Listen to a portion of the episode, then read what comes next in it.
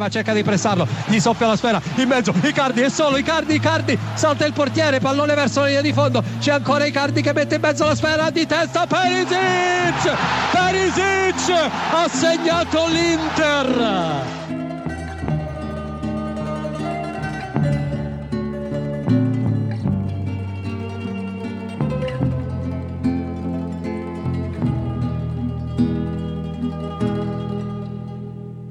Ja, het is vandaag uh, donderdagmiddag en uh, vandaag geen Sander Jonkman, maar ik ben er wel weer, uh, Willem Haak.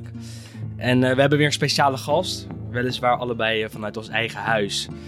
en ik neem vandaag op met Michele Santoni, oud-trainer van, nou, onder, onder, meer trainer geweest bij Ajax, gewerkt bij Livorno, Cesena, Lazio, gewerkt onder Frank de Boer bij Inter en ook nog een tijdje bij Cagliari. Ook nog hoofdtrainer geweest bij Almere City. En dan heb ik het wel zo'n beetje, toch, uh, Michele? Ja, dat is een beetje. Ja. Gelukkig. Hoe breng jij je dagen nu een beetje door, nu thuis? Uh, sporten en uh, achter mijn laptop. En, nu heb je de tijd om dingen te doen waar je tijdens het seizoen minder tijd voor hebt. Dus heel veel lezen, heel veel updaten, heel veel wedstrijden terugkijken. Spelers scouten ook? Ook, ook. Oké, en dat is allemaal met, met internetprogramma's, neem ik aan.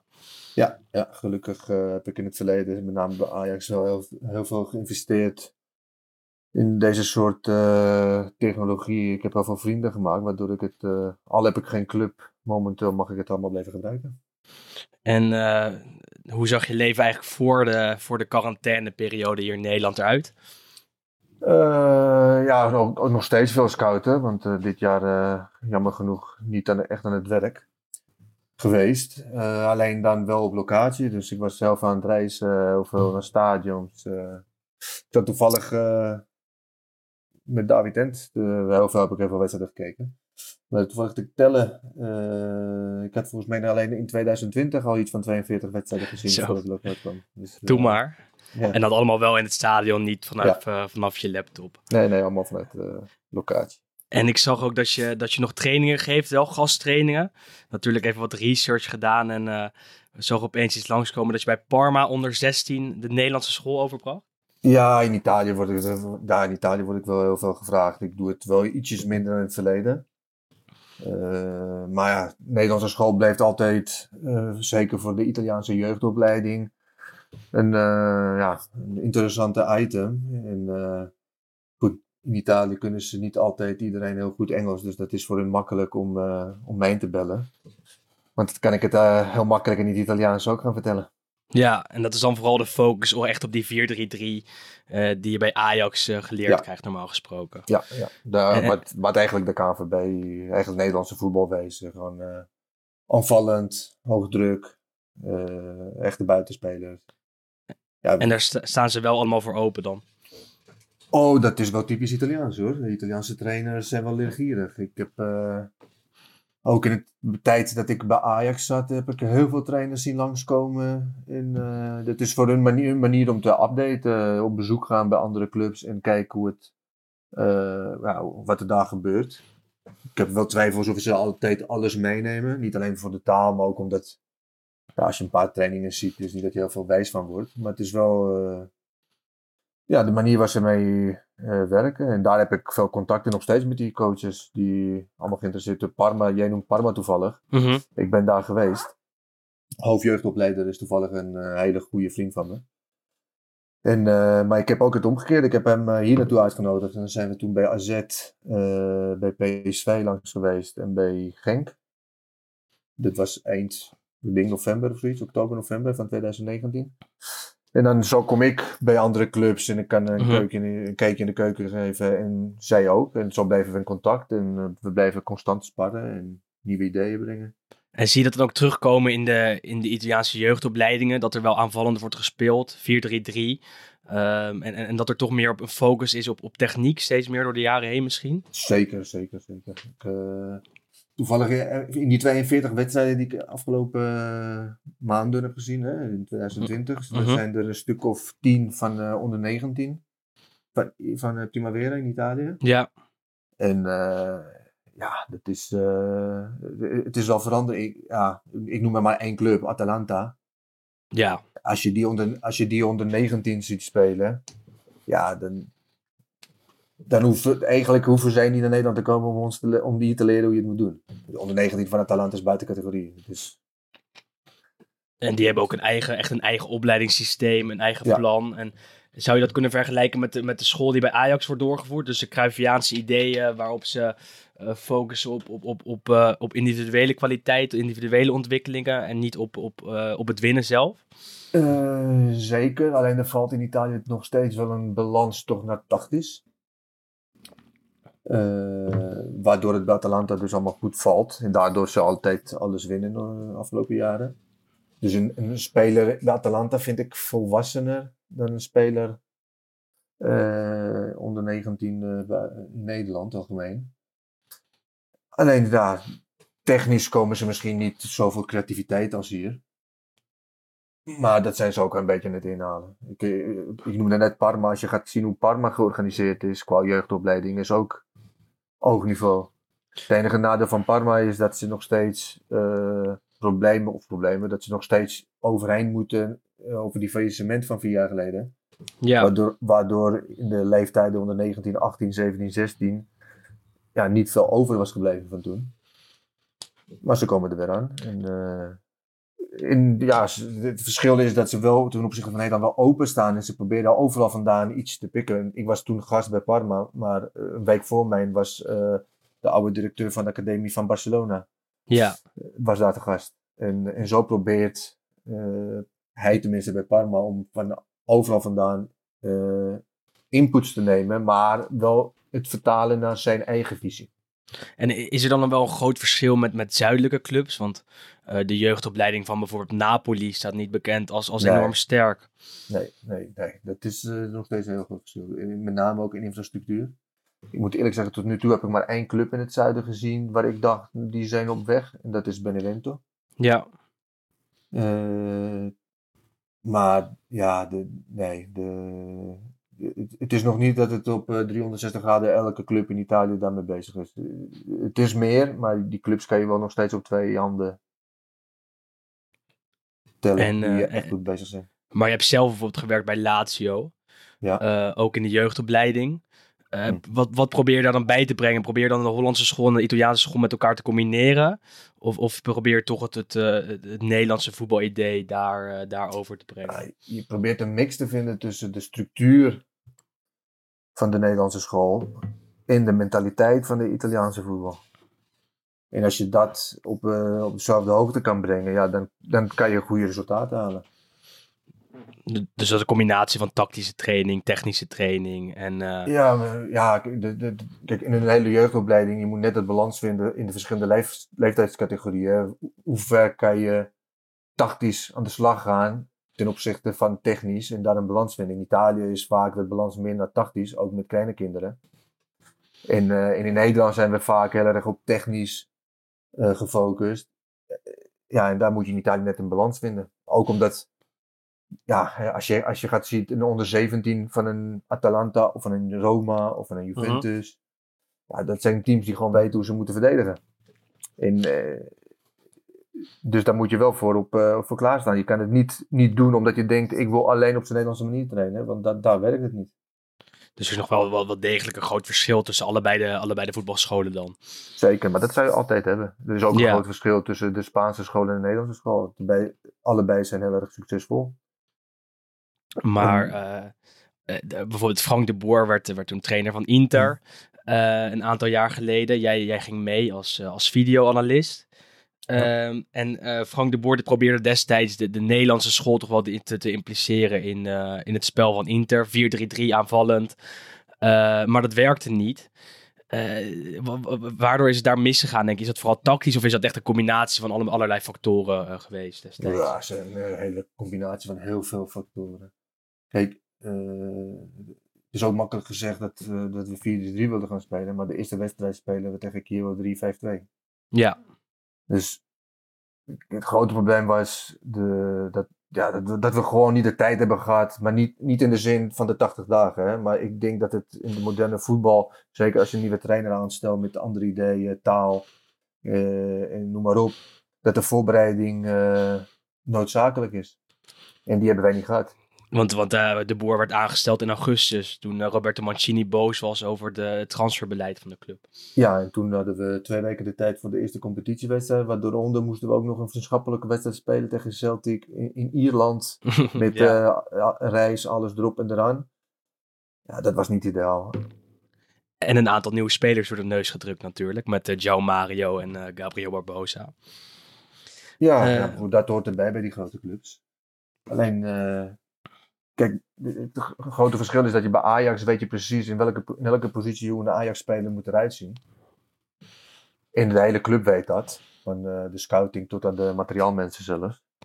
En dat is in Italië niet. Heel veel clubs hebben niet echt een identiteit. Het is aan de trein om die te brengen. Ja, en als je in zo'n korte periode alles moet overbrengen. En overtuigen ook andere mensen. Ja, dan, en dan spelen veel meer politieke spelletjes in dat soort clubs. Ja, Inter had net een nieuwe eigenaar natuurlijk. Met de Erik Tohier. En die wilde de boer heel graag hebben. Maar, maar vind ja, je dat... Die, was er al een tijdje hoor, Erik. Want ik oh ja, die, was al een aantal... Destijds ja. was er... Toen was Soening was net aangesteld natuurlijk. De, de Chinese, de Chinese eigenaar zouden ermee maar te ik, maken. Ik kan me nog herinneren dat ik net bij Livorno tekende. En dan kwam er een grote agent. Uh, dat was dus twee jaar eerder. Zelfs tweeënhalf jaar eerder. Ja.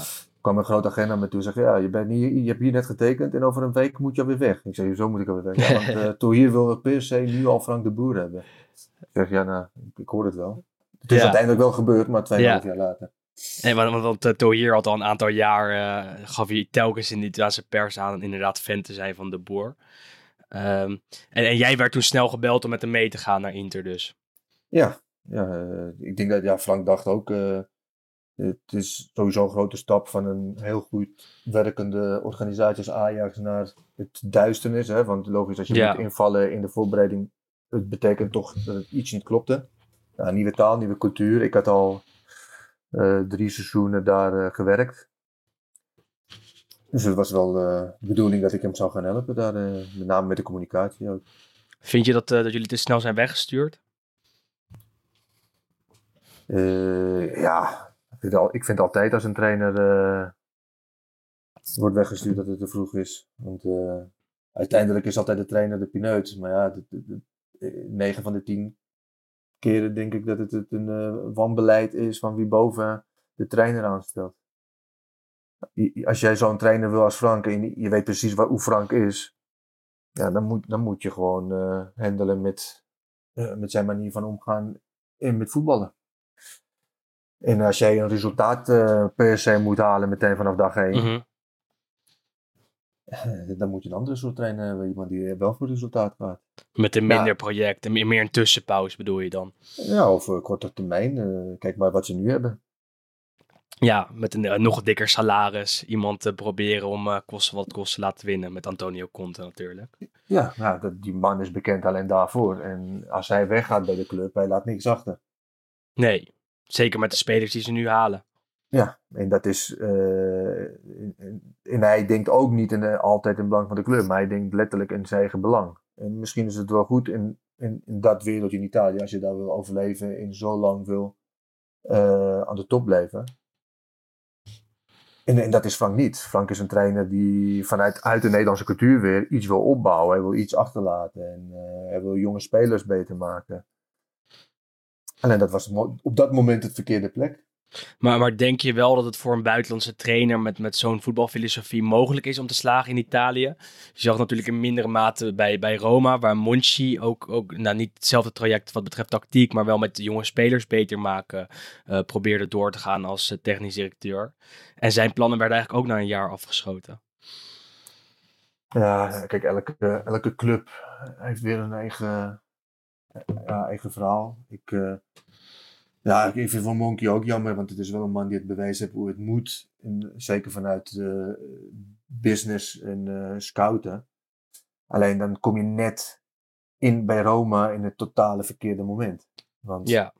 als je daar moet ruzie gaan maken met Totti en De Rossi, dan weet je al van tevoren dat je verloren bent. Ja, dan verlies je het van de clubcultuur.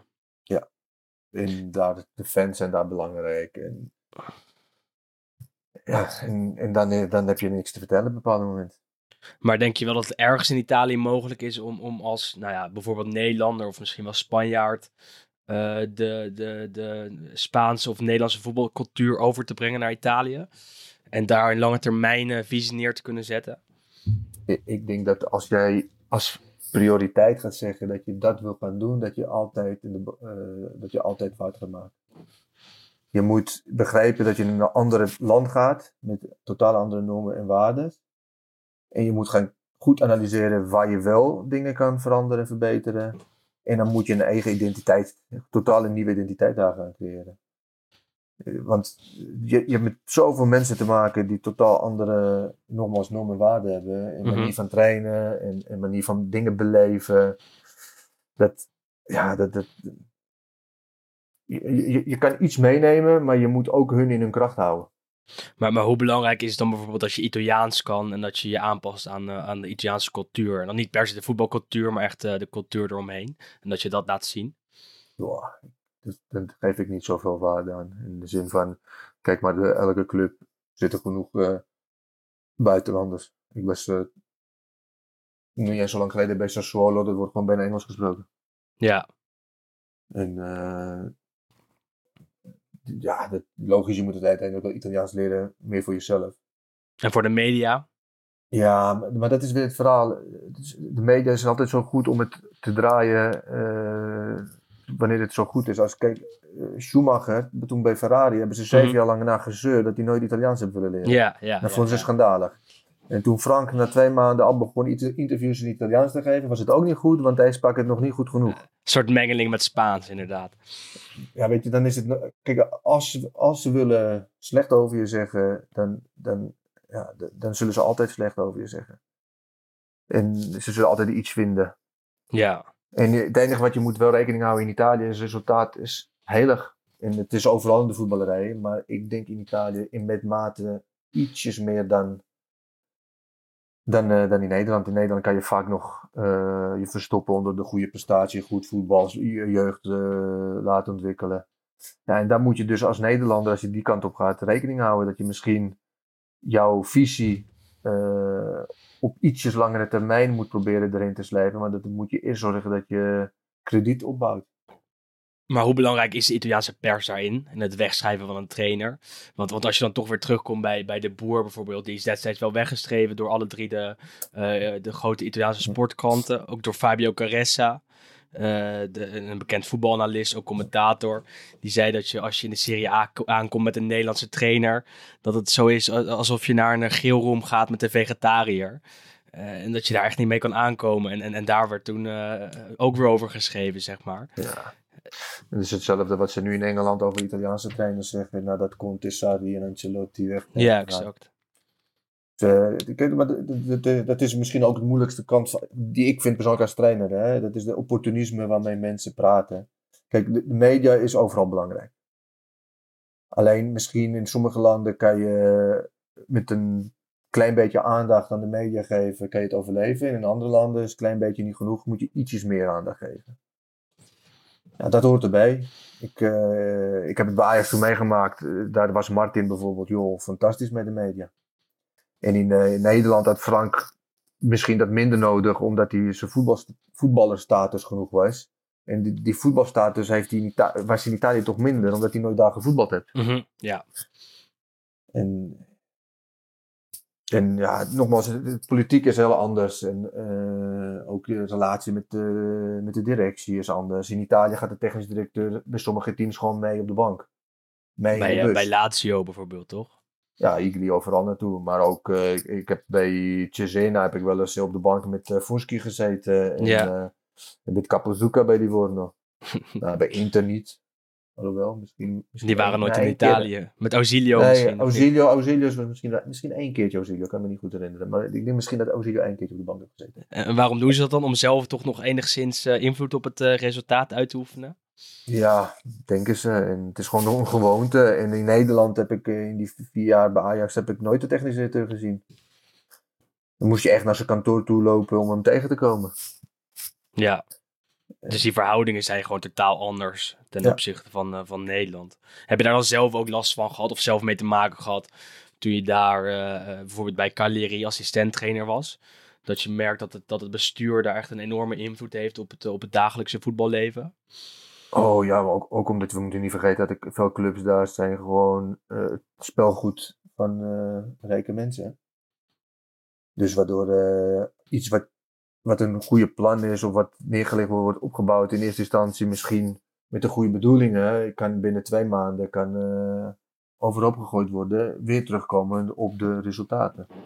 En dat komt omdat vaak verwachtingen, ja de verwachtingen zijn gewoon krom en niet realistisch. Ja, dus dan verwachten ze ook direct resultaten. Eh, bijvoorbeeld bij een club zoals Genoa, waarbij uh, Preziosi al jarenlang de, de, de, eigenaar is, de beste spelers telkens verkoopt. En toch telkens resultaten van zijn trainer verwacht. Ja, en uh, denkt, ik koop jou voor drie spelers, dus dan moet je het nu het gaan doen. Weet je, ja, ik, ik, ik, ik zie het al voor me bij Genoa. Ja, ik heb Schöne van Ajax gehaald ja. en, en, nu moeten we voor de Champions League gaan. Ja, maar, ja zo werkt het niet. En zeker niet als je daarna ook nog drie, drie verschillende trainers aanstelt. Met totaal drie verschillende uh, manieren van, uh, van voetballen. Maar, is het voor zulke soort spelers ook moeilijk om te aarden in Italië dan? Ik noem, noem een Schöne, een, een, misschien Eriksen die bij Inter uh, oh, tegenwoordig zeker. zit. Nogmaals terugkomen, de enige die het fantastisch doen, doen toevallig bij één club. Atalanta. Ja. En daar hebben ze wel een goede beleid een goed idee hoe het moet gevoetbald worden. En, en je ziet dat die spelers langzamerhand uh, ingebracht worden en dat ze het wel gaan doen. Is dat de meest rustige club van Italië ook, op bestuurlijk niveau? Uh, ja, ik zou normaal gesproken nu ook wel Parma en Sassuolo erbij zitten. Sassuolo misschien nu eventjes minder door de overleden mm -hmm. van, uh, van Squincy. De president. Ja, maar, de, maar dat, dat, dat zijn wel de, ik, ik laat het zeggen vanuit trainers uh, zicht zijn wel de drie mooiste clubs. En, en, en waar ligt dat dan? Aan een uh, open-mindedness, dat ze openstaan voor, voor andere voetbalculturen en andere, uh, andere inzichten ten opzichte van, van clubs die, die toch meer als speeltje worden gebruikt? Nou, het ligt voornamelijk aan, aan het lange termijn filosofie, dus be een beleid die ze er neerzetten. En je, gaat, je ziet het meteen op het moment dat je bij een trainingscomplex aankomt dat, dat ze toch over nagedacht hebben om, wacht even, we moeten ergens investeren. En dat is niet alleen uh, de, de muren van het complex, maar het feit dat je dus beter kan trainen, beter jeugd kan uh, opvangen, betere, betere faciliteiten kan geven, betere gym. En, ja, en ja, Collegio is gelukkig al sinds de vorige, tegen twee eigenaars hiervoor, hè, Tanzi was toen al neergezet. Maar als je daar mm -hmm. loopt, is het gewoon een volledige top Europees uh, sportcomplex. En de nieuwe van Sassuolo is ook geweldig. Minimalistisch, moet ik eerlijk zeggen. Ja. Maar echt fantastisch om te trainen. Maar het is toch best opvallend, want Sassuolo was een aantal jaar geleden nog een, nou, laten we zeggen, een, een super kleine club in Italië. Nog actief in de, in de, op de lagere, in de lagere ik, regionen. Ik heb, uh, ik heb in de Serie D tegen ze gespeeld. Ja, met, met welke ploeg? Met uh, US de Arco. Playoffs okay. naar de Serie C2 te gaan. En toen zijn zij gepromoveerd, of niet? Ja, wij verloren van hun. Ik. Maar het, kijk, in dit geval van Sassuolo is uh, één persoon. Dat hebben we net genoemd. Dat is. Ja, Dat was gewoon ja. een, uh, in, zoals ze in Italië zeggen, een uh, illuminato. Ja, en de baas van ook Mappei, dus ook nog eens ja. enorm rijk. En die heeft zelf de hele Mappei opgezet. En, en, en, die man die had het goed, voor de, goed gezien hoe het moest. En, en die heeft het wel rustig uitgevoerd. Hè? Ook in de, kijk, men, men vergeet dat Sassuolo promoveerde naar de Serie B. En toen is het vier of vijf jaar erover gedaan om naar de Serie A te gaan. Terwijl ze Ja. wisten al van tevoren dat eigenlijk hadden ze al een selectie om veel eerder te promoveren. Maar ze zijn nooit in paniek eh, geraakt en altijd eh, vertrouwen in de trainer. En eh, jeugd altijd gehaald, goede spelers, geïnvesteerd in de jeugdopleiding, in, in infrastructuur. In samenwerkingsverbanden ook. Ja, ook. Eh, ze hebben nu, als je kijkt, Italië onder 21, de huidige selectie. Volgens mij, de laatste wedstrijd die ze speelden, acht van de elf basisspelers zijn eigendom van Sassuolo. Ja, ja dat is gigantisch. Ja, dus- En, en, en ook het stadion is natuurlijk ook hartstikke modern. Ja, en eh, goed, die moeten ze nu toevallig nog delen met de Reggiana.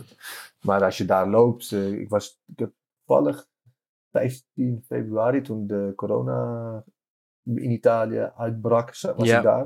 Ik ging een wedstrijd van de Serie C kijken, hè, Reggiana tegen uh, Arzignano. Mhm. Eh, ja, de- de- dat, dat gevoel wat je vroeger had in Italiaanse stadions, dat de mensen er naartoe gaan alleen voor de wedstrijd, dat het niet gezellig is, dat je er niks aan kan doen, dat valt daar totaal weg. Dat is net of je naar een gewoon Euro- Noord-Europese wedstrijd gaat, met alles erop en eraan, bioscoop. eh, Vierkant stadionnetje, eh, moderne tribunes. Ja, een eh, goed veld. eh, en het was maar een Serie C-wedstrijd, maar was top.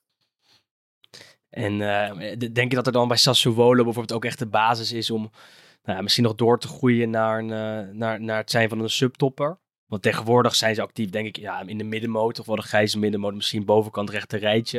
Ja, Kunnen zij doorstoten? Ze- zeker. Ze hebben de- als je de selectie ziet. Is, eh, ja, ik vind dat ze gewoon een selectie hebben waar ze ietsjes meer hadden verdiend eh, van wat ze hebben. Talentvolle jongens ook, met Traoré onder andere. Ja. En het broertje van hem is nog beter. Die speelt bij Atalanta, toch? Ja, Ja. ja. die is echt goed. Maar de- als je kijkt, eh, bij La Spezia speelt Marquista is van hun, Erlich, straalverdediger is van hun, Fratesi bij Empoli is van hun.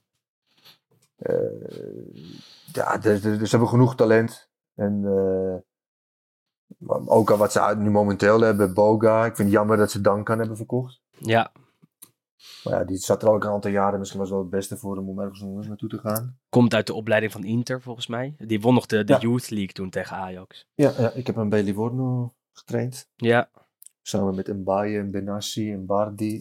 Ja, veel waar, waarvan er redelijk weinig zijn, zijn doorgebroken toch? En dat zijn Inter-jongens natuurlijk, maar Ja, maar wel meteen in de Serie A. Dat was wel Ja, uniek ja. voor Thun, hè? Want Ja. meestal moest je vroeger van de serie, van de onder 19 moest je eh, door. Vaak moest je gewoon eerst naar de Serie C en daar vandaan weer naar boven klemmen. Ze gingen van eh, die jaar Inter kwamen ze meteen naar, naar Livorno toe. En, eh, en toch, Mbaye speelt nog steeds bij Bologna, Benassi en Duncan bij Fiorentina. dat is waar, ja. Dus, eh, Bardi nog nooit echt doorgebroken als keeper. Nee, terwijl dit nee. toch, toch bij Inter bekend stond als, eh, als een supergroot eh, keeperstalent. Ja, maar dat, dat gebeurt vaker bij keepers. En of andere reden kregen ze toch een bepaalde volwassenheid ietsjes later dan andere voetballers. Want ik heb ook met Leali bij Cesena gewerkt. Nou, dat was de toptalent van Juventus. Ja, Die heeft het ook niet gered. Toen we, toen we bij Inter werd het genoemd dat Radu de opvolger van Handanovic moest worden. kan nog steeds natuurlijk wel. Zou kunnen, maar hij is ook niet basis bij, bij Parma. Nee, en hiervoor bij, eh bij Genoa natuurlijk op de bank beland, omdat Perrin terugkwam. Dus Maar, maar is het dan moeilijk voor, voor een talent eh, in Italië om door te breken, omdat er geen, geen, nou, geen springplank is naar de Serie A? Zoals in Nederland er wel is met jong Ajax, jong PSV, jong AZ. Ik eh, geloof er heel erg in. En Juventus heeft het geprobeerd. Alleen het probleem van Italië, het moet allemaal meteen. En, eh, en dat lukt nog niet. En eh, in, in de andere clubs zijn er erg zwaar tegen in de Serie C. Dus ik zie het ook heel moeilijk dat een andere... Ik hoor wel nu dat Fiorentina wil de tweede helft alweer gaan proberen in te schrijven. Ja, Dus we moeten het al nog allemaal gaan zien hoe het eruit gaat zien na deze crisis. Maar het, was, het is ook de enige. En wat ik niet begreep is dat als jij de rechten om je in te schrijven in de Serie C eh, misschien 2 ton is of zo. mhm. Voor een eh, onder 23 elftal is 1,2 miljoen. dus, eh, dus eh, de, de Italiaanse voetbalbond houdt het ook tegen op een of andere manier. Ja, nou niet de Italiaanse voetbalbond, maar de Lega di Serie C die houdt het tegen. Nou ja, ja. En ja, dat is weer die competitie, dat winnaarsmentaliteit, dat, dat resultaat. En dat je opeens tegen een jong elftal moet. Hetzelfde dat- wat je in Nederland ziet natuurlijk. Ja, dat, dat had je ook, maar in Nederland begint het wel steeds, eh, ja, steeds minder te worden. En ook omdat in de eerste jaren eh, moesten die, of de, ah, jong Ajax, jong PSV speelden voor de laatste drie posities. En tegenwoordig wordt jong Ajax gewoon kampioen. Ja, ja, ja. Dus dat, en- en je ziet ook wat de profijten zijn voor het Nederlands voetbal. Want alle grote talenten zijn wel daar doorheen gekomen. Zou, zou jong Juventus ook kampioen moeten kunnen worden in de, de Serie C? Ja, het gebeurt het niet. Ik, ik, heb, toevallig, ik heb ze niet gezien spelen. Ik, had, ik, ik, zou er naartoe gaan, eh, toevallig de week na die 15 februari, maar ja, toen kon het al niet meer. Mhm. Ook omdat een eh pupil van mij daar speelt nu momenteel, Portanova. Die had bij Lazio. Dus die Ja. wil ik graag gaan zien. En ja, in een of andere reden ja, lukt het niet. Ik moet eerlijk zeggen, ik ben ook een beetje sceptisch naar de keuze van coaches die ze nemen. Wie is daar de trainer nu? Ja, nu is Pikja. Maar is sprake is dat uh, Pirlo volgend jaar daar trainer wordt. Die loopt nu zijn, eh, zijn eh, eh, trainingscursus op uh, Coverciano natuurlijk. Ja. ja, en ik vind juist dat je bij op zo'n leven, zo'n een, een eh, elftal in zo'n competitie misschien moet je wel een, eh, een wat ervaren leraar coach neerzetten. En geen Pirlo. En niet eh Pirlo, maar ja, misschien, voor, misschien doet je het wel fantastisch hoor. Dat, eh, En, jij hebt zelf ook die trainingscursus op eh Coverciano eh, afgerond. Ja. En, want daar moet je een, een soort masterscriptie schrijven, hè? klopt dat? Ja. Ja. En, die van jou ging over sportieve psychologie, als ik het goed Ja. heb vertaald. Ja, action type. Dus over eh, ja, bewust zijn dat elke speler in een, op een andere manier dingen eigen maken. En op een andere manier beweegt. Dat was meer de, de, de, dat was de diepgang extra. En eh, ik had, bij Ajax hadden we heel veel action type gebruikt. En dat heb ik altijd interessant gevonden om daar meer in te gaan verdiepen. En uh, daar, en dat vonden ze bij de Bond ook heel erg interessant. Omdat het was een beetje uniek dat iemand, een trainer, daarover ging schrijven.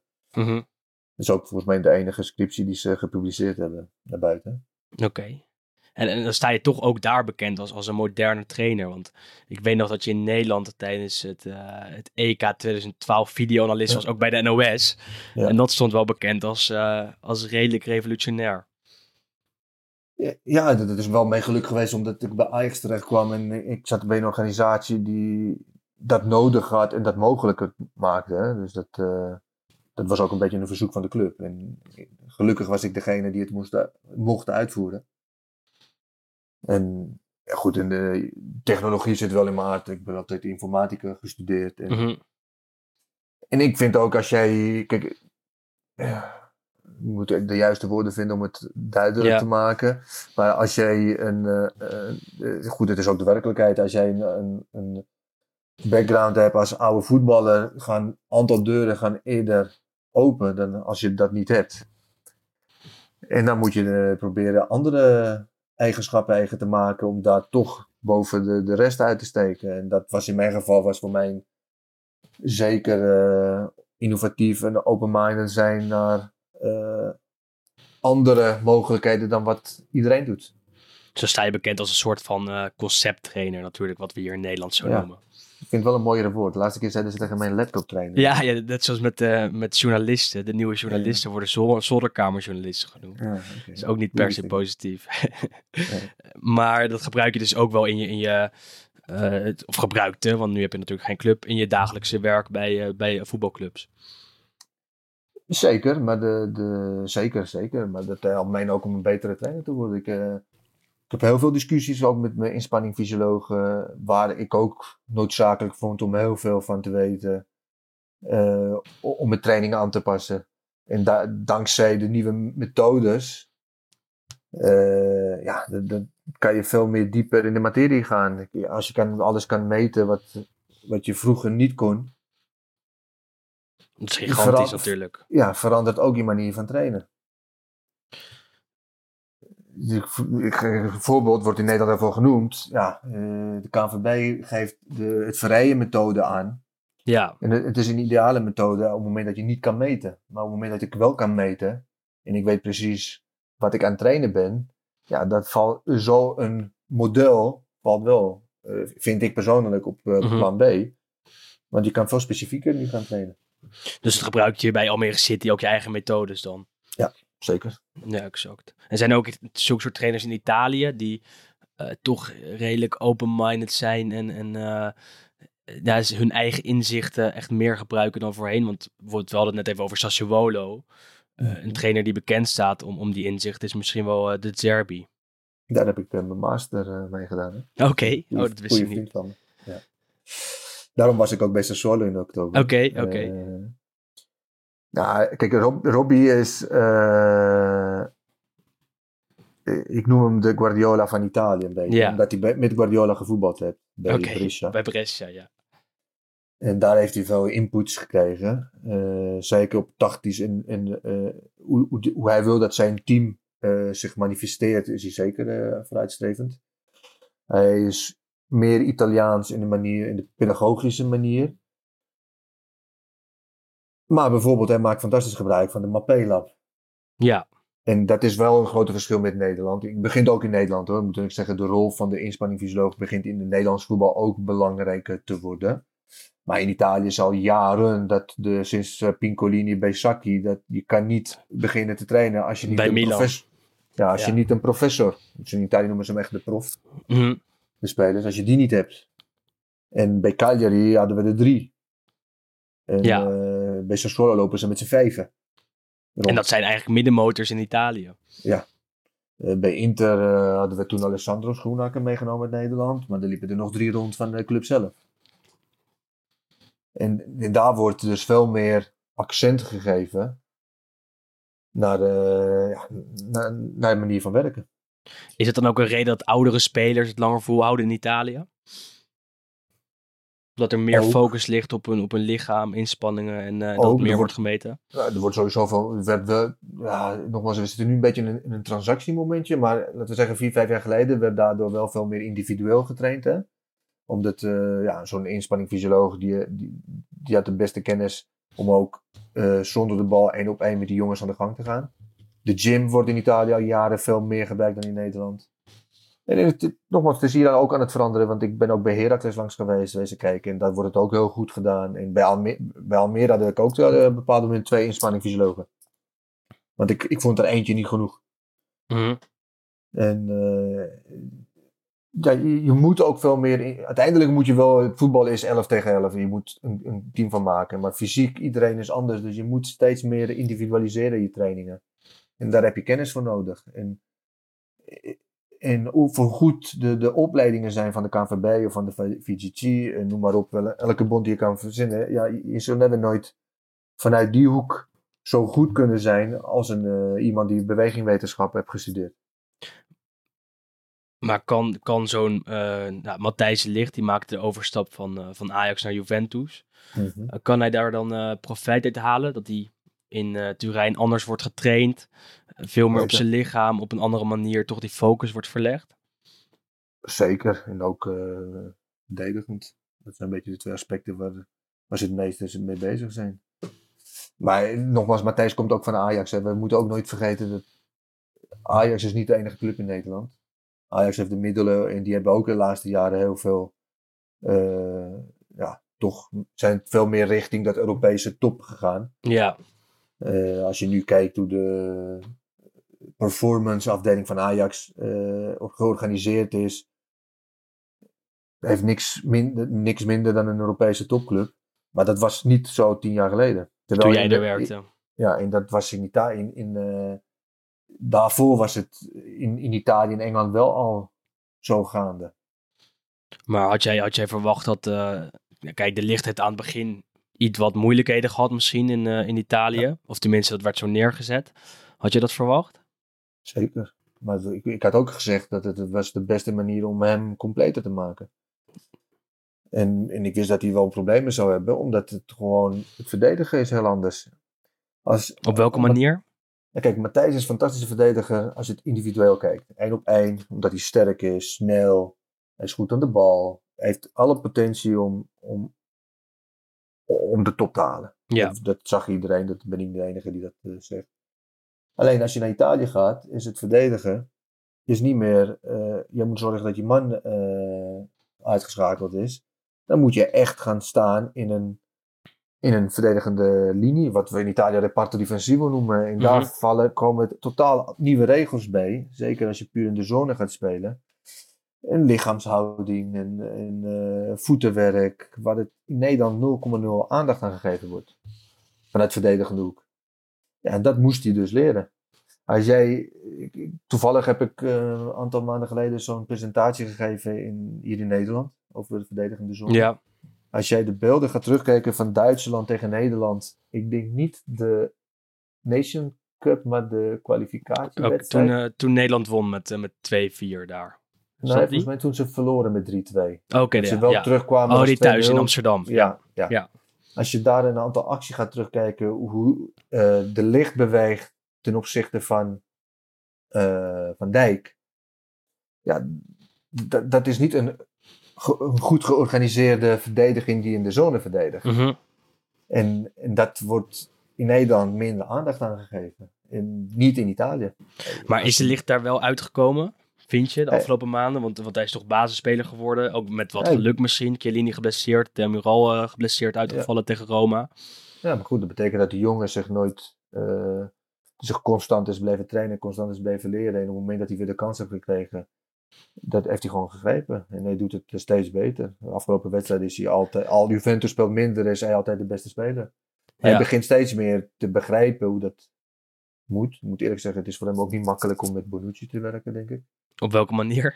Ju- Juist over dat tactische, want ik vind hem wel e- echt een a- alibi-verdediger. Ja, Niet zo goed als mensen eh, in Italië zeggen. bij Milan zag je dat, hè, in zijn Ja. jaar daar. Ja, dus ik denk dat straks Bonucci weer fit is met De Ligt. Dat het een, op korte termijn een fantastische duo is. En in de toekomst met Demiral een fantastische duo is. Denk je dus op de lange termijn dat Bonucci misschien eh, op de bank eh, weer mag plaatsnemen? En Chiellini komt natuurlijk terug, hè? Daarom is op korte termijn eh, met Bonucci, dat met die, ook omdat hij nu Matthijs aan de rechterkant heeft neergezet. Dat hij nu duidelijk heeft dat als Chiellini terug is, wie de rechter centraal is en wie de linker centraal is. Kijk jij veel Italiaans voetbal nog? De Serie A? Zeker. Ja, ja, zeker. En dan eh, wel als liefhebber of meer als trainer? Of eh, meer om te ik leren? moet- Ik moet eerlijk zeggen, als ik live een wedstrijd kijk, is vaak toch meer als liefhebber. Want, eh, omdat ik want vaak kijk ook de wedstrijden met andere mensen, of je bent niet Mhm. alleen. Of, en, en dan, dan, ja, dan heb je niet eens de tijd om je te goed te concentreren als, eh, als trainer. En als ik een wedstrijd weet dat het interessant is, probeer ik hem daarna terug te kijken. En dan doe ik, neem ik wel alle tijd om het echt goed diep te gaan analyseren. Wat voor wedstrijd is dat geweest bijvoorbeeld, de afgelopen tijd?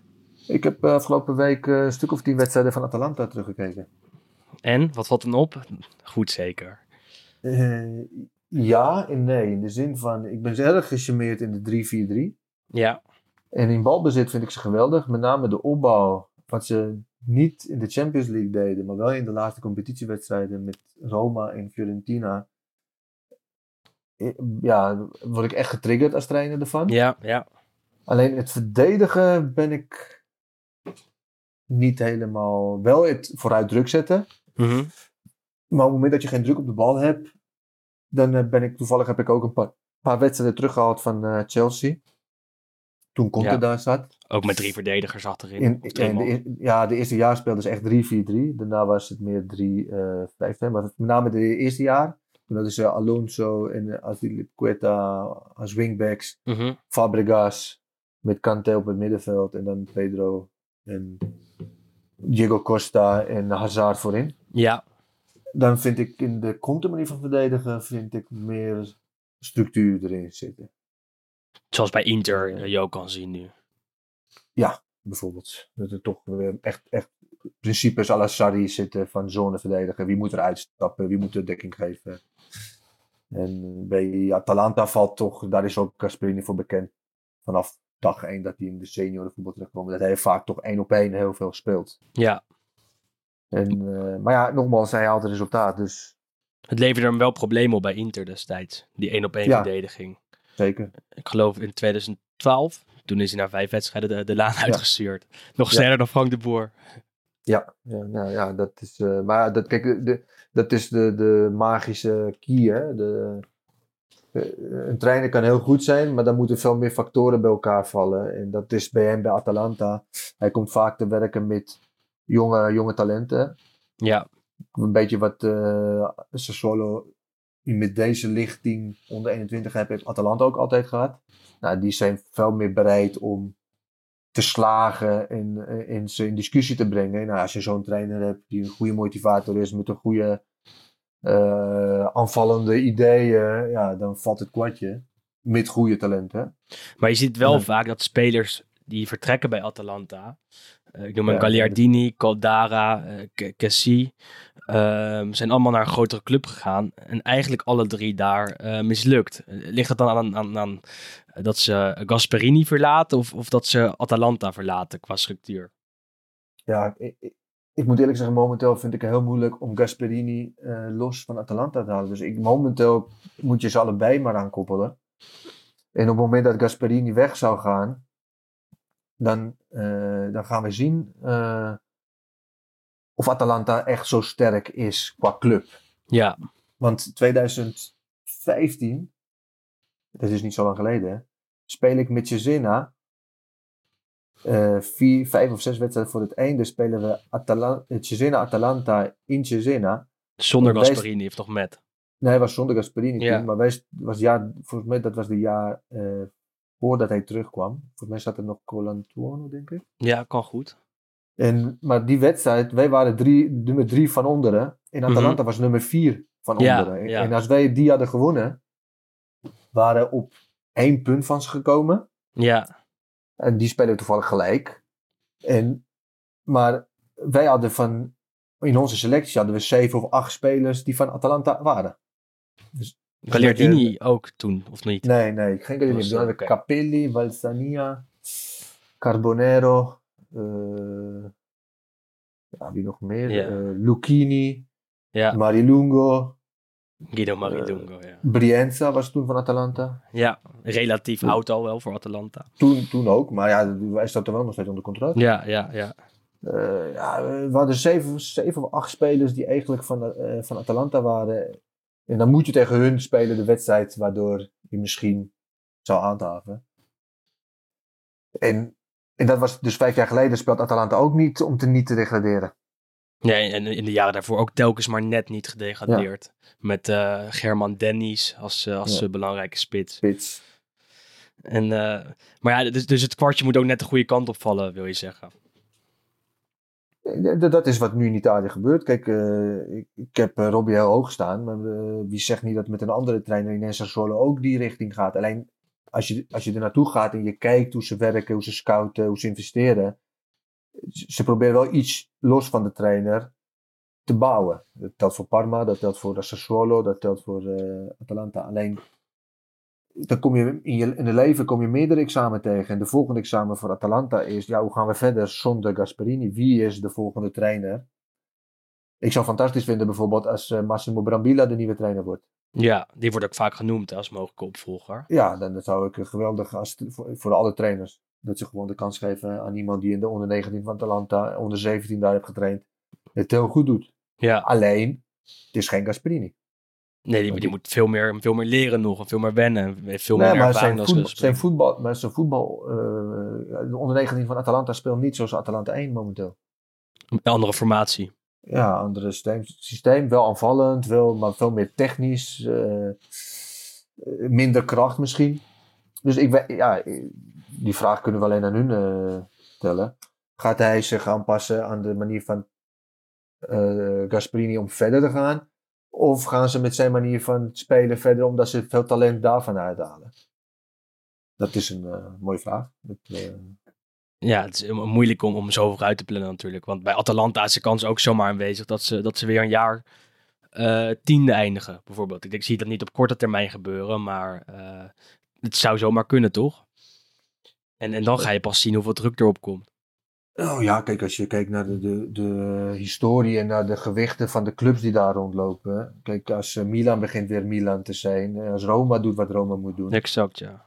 eh, dan heb je Inter, heb je Juventus. Nou, dan hebben we er al, met Lazio zijn er, Lazio al, erbij, ja. ja, zijn er al vijf clubs die, Fiorentina zes, laten we zeggen dat zijn de grote, zes grote jongens.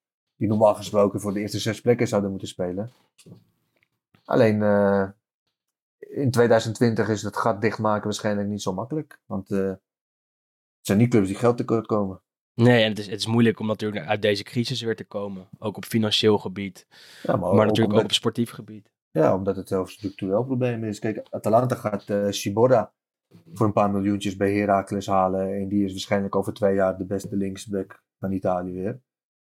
Zonder eh, degene te noemen die het al gedaan hebben. Ja, Moses ja. Hatenboer, Castagne. In Milan, die moet eh 40 miljoen neerleggen voor een speler waar ze twee maanden later toch niet zo meer gelukkig mee zijn. En, en, en waarom moet dat? Omdat je bij Milan niet kan groeien als speler, wil je zeggen? Of eh, toch de- met de hele clubcultuur te maken? Ja, gewoon clubcultuur. Kijk, Atalanta weet heel goed eh, wat een speler moet kunnen en hebben in huis om te slagen in de manier van spelen zoals ze het nu doen. En dat weten ze bij Milan niet. nee, dat al jaren niet uiteindelijk. Nee. Hey, en je noemde een, eh, een tijdje geleden Christian Eriksen eigenlijk de perfecte speler. Ja. Eh, kan hij dat bij Inter ook worden? In de formatie van eh, Antonio Conte? Ja, ik vind Antonio Conte gewoon een ingewikkelde en vermoeiend persoon. Waarom? Ja, ik, ik heb vaak het gevoel dat hij het niet wil doen, niet omdat hij er niet in gelooft, omdat hij niet wil toegeven wat andere mensen zeggen. Dat hij een soort van, ik moet tegen iedereen in. Ja, Want ik begrijp niet dat hij. Ja. Misschien weet ik ook ietsjes meer inside information dan de andere mensen. Maar ja. Vecino die, die moest tot eh, tien dagen voordat. eh, dat Eriksen kwam, die mocht niet eens de kleedkamer inkomen. En eh, nu ineens speelt hij alles. Dus ja, dit is, er gebeuren rare dingen, rare dynamieken. Is dat Conte of is dat Inter? Combinatie Nee, het is- misschien. Het is Conte, het is Conte. En, eh, maar in die 3-5-2 zegt men dat er misschien moeilijk plek is te maken voor Eriksen. Aangezien dat het natuurlijk een redelijk, eh, eh, redelijk een opstelling is zonder een, een positie waarop Eriksen op zijn best is. Ja, want Chris kan niet rechtshalf spelen. Of Ja, dat, dat weet ik niet. Dat weet ik niet. Weet jij beter dan ik, denk ik. Ja, ik denk dat Chris kan op elke positie spelen daar. Alleen Conte heeft een ander idee. Maar op lange kijk, ik geloof altijd op lange termijn, kwaliteit komt altijd boven water. En, eh, en hij heeft het ook laten zien, want die wedstrijden waar hij wel mocht spelen in, de- in de Europa League speelt hij weer fantastisch. Scoort hij zelfs. Ja, dus Vrij trap eh, tegen Milan, tegen de lat. Alleen misschien Conte vraagt en wil. Kijk, ik weet wel dat Conte heel hard traint. Echt heel hard. En dat is misschien Chris niet zo gewend. Mhm. Dus eh, laten we allebei ze aan Conte en aan Chris een beetje de tijd geven. Zie jij Conte als een beperkte trainer? Dat is namelijk, speelt altijd in één formatie. Altijd in de 3-5-2. En dat is wel een verwijt dat hem vaak wordt gemaakt. Ja, ik, ik hou niet van de woord beperkt. Het is een training met een, met een idealite, eh, met een eigen idee van voetbal. En, en als ik daarin een beperking moet zien, is dat hij zich niet makkelijk kan aanpassen aan de kwaliteit van zijn eigen spelers. Maar ja, hij heeft nu de kracht om de spelers te gaan halen die wel precies passen in zijn manier van spelen. Dus dat, dat ja, het is gewoon een, uiteindelijk het is een trainer voor specifieke clubs. Omdat hij waar hij gaat, wint hij. Ja, dat kan je niet bij elke trainer noemen. Hij gaat naar Chelsea, wint hij. Hij gaat naar Juventus, met Juventus heeft hij gewonnen. Ja, En nu bij Inter nog niet. Nog niet, maar hij was er wel dichtbij. En, eh, maar Eventjes. nu staat Juve er nog boven. Eh, en ook ja. daar is wel eens kritiek op, eh, op de trainer. Lazio staat er natuurlijk ook boven. Maar eh, bij, bij Juve is er wel eens kritiek op Sarri. Dat hij ze nog niet op een Sarriaanse manier laat spelen. Is dat dan ook een, een- een, mismatch misschien qua club en, en, en trainer? Of ook misschien een, een, een, een on- ongelukkiger huwelijk? Het is een eh, huwelijk die vraagt om aan te gewerkt te worden. Kijk, de, de, eh, ja, je komt na heel veel jaren met een trainer die wel heel anders is dan Sarri. Dan Allegri. Ja, die, ja. trainer, die trainer heeft eh, uiteindelijk heel goed gedaan. Moeten we niet vergeten dat hij in die jaren ook heel veel kritiek over zijn heeft gehad. Maar uiteindelijk Zeker aan het begin. gewonnen. Ze wilden hem niet hebben bij Juve, Allegri. Ja, dat zeker in het begin omdat hij van Milan kwam. En Ja. hij moest ook invallen. Hè. was toen ook zo'n eh, situatie als wij met Mancini bij Inter hebben gemaakt. Hè. Conte, die Conte, ging ja. ineens weg. Boos omdat er geen aankopen kwamen. Eh, dus was... Maar goed, in die zeven jaren waar hij alles heeft gewonnen, of waren het, zes jaar, dat hij alles heeft gewonnen, zijn er ook daartussenin jaren geweest waar hij genoeg kritiek heeft gehad. Want blijkt dus dat als je twee keer de Champions League finale haalt in drie jaar, ben je ook niet een goede trainer volgens de mensen. Ja. En door Ajax wordt uitgeschakeld, waar veel kritiek op was. Ja.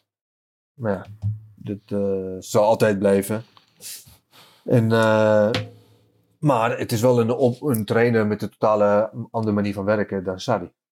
Ja, En, eh, en dus binnen een, binnen een organisatie denk ik dat het wel veel weerstand kan creëren in eerste instantie. En eh, ja, je moet echt binnen zijn om te begrijpen waar heeft Sarri het dingen laten gaan en wel zijn vuist op tafel heeft geslagen. Heeft hij dat genoeg gedaan, niet genoeg gedaan?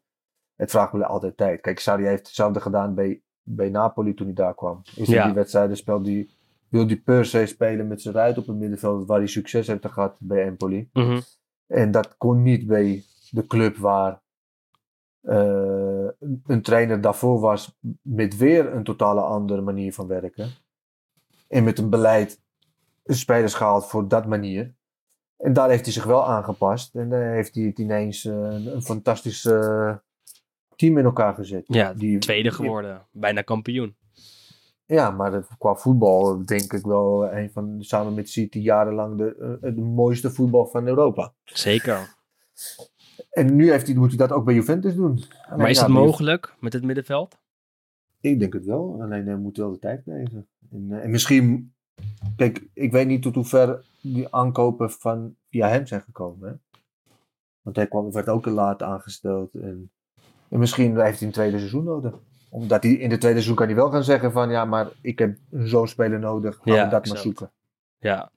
Na meer een evaluatie van de selectie. En dan Ja, dat hij dan misschien weet wat voor middenvelder die nodig heeft om, eh, om het toch te laten draaien. En Ja. staan gewoon eerst natuurlijk, moeten we ook niet vergeten. Zeker. En eh, nog niet uitgeschakeld in de Champions League. N- nog niet, nog niet. Als die wedstrijd nog gespeeld gaat worden. Ze staan natuurlijk 1-0 Ja. achter tegen Lyon. Ja. En wat zijn jouw eigen ambities? Ooit wel weer in Italië aan de slag? Of eh, voorlopig toch op de Nederlandse markt richten? Ja, ik hou de deur open voor, eh, voor allebei. Ik moet eerlijk zeggen, tot een paar maanden geleden hield ik de deur open voor meerdere landen. Nu met die coronacrisis. Ja, misschien eh, ga ik die markt, de, de deurtje ietsjes dicht doen. Ook meer om, eh, ja, als het allemaal voorbij is, toch meer in de buurt te kunnen van mijn familie in Italië. Ja. Hoe gaat het daarmee trouwens? Ja, gelukkig iedereen gezond. Alleen ja, de, de, de lockdown daar is heel veel strenger dan hier. De hele ik- dag binnen blijven. Ja, maar ook met niemand in contact komen. Dus ik bel Ja. mijn moeder wel elke dag. Maar mijn moeder heeft eigenlijk met niemand contact gehad de afgelopen twee maanden. Nee, dat is bijna niet te doen. Nee, dus ze kan vanaf het balkon wel met mijn broertje praten. hè, met mijn zusje, maar dat zit. Ja, ja, ja. En dat is een groot verschil met de Nederlandse lockdown. Of intelligente lockdown wat ze hier hebben. Ja, ja gelukkig kon dat eh, plaatsvinden. Ik bedoel, het is niet dat Italië die intelligente lockdown niet heeft gewild. Alleen Mhm. Daar is als eerste land alles zo snel Ja, eh, gegaan. Waardoor ze dus gewoon tekort kwamen aan intensive care. Dus het moest een strenge lockdown komen. want waar woont je familie in Italië? Eh gaat dan weer. Dus eh, net tussen twee Brandhaarden. ja, brandhaarden. Maar gelukkig daar nog, niks, nog geen drastische dingen gezien buiten qua verpleeghuizen. Daar hebben ze wel wat problemen gehad. Ja, nou, gelukkig. Ook bela- belangrijker dan voetbal natuurlijk. Ik bedoel, wij praten nu een uur Ja. over voetbal, maar dat is allemaal toch op het Zeker. tweede plan dan. Zeker. Hey, eh Michele, dankjewel voor je tijd. Uur heel, eh, heel interessant over het eh, Italiaanse voetbal gepraat. Graag gedaan. Eh, uurtje is echt gevlogen. Ja, zeker. Dankjewel. En eh, wie weet tot, een, eh, tot de volgende keer. Zeker voor herhaling vatbaar. Oh, je kan me altijd bellen. Zeker deze dagen. Gelukkig, alle tijd hè, alle tijd. Ja. Tijd genoeg. Wij ook gelukkig. Eh, voor de luisteraars eh, bedankt voor het luisteren. En eh, tot volgende week.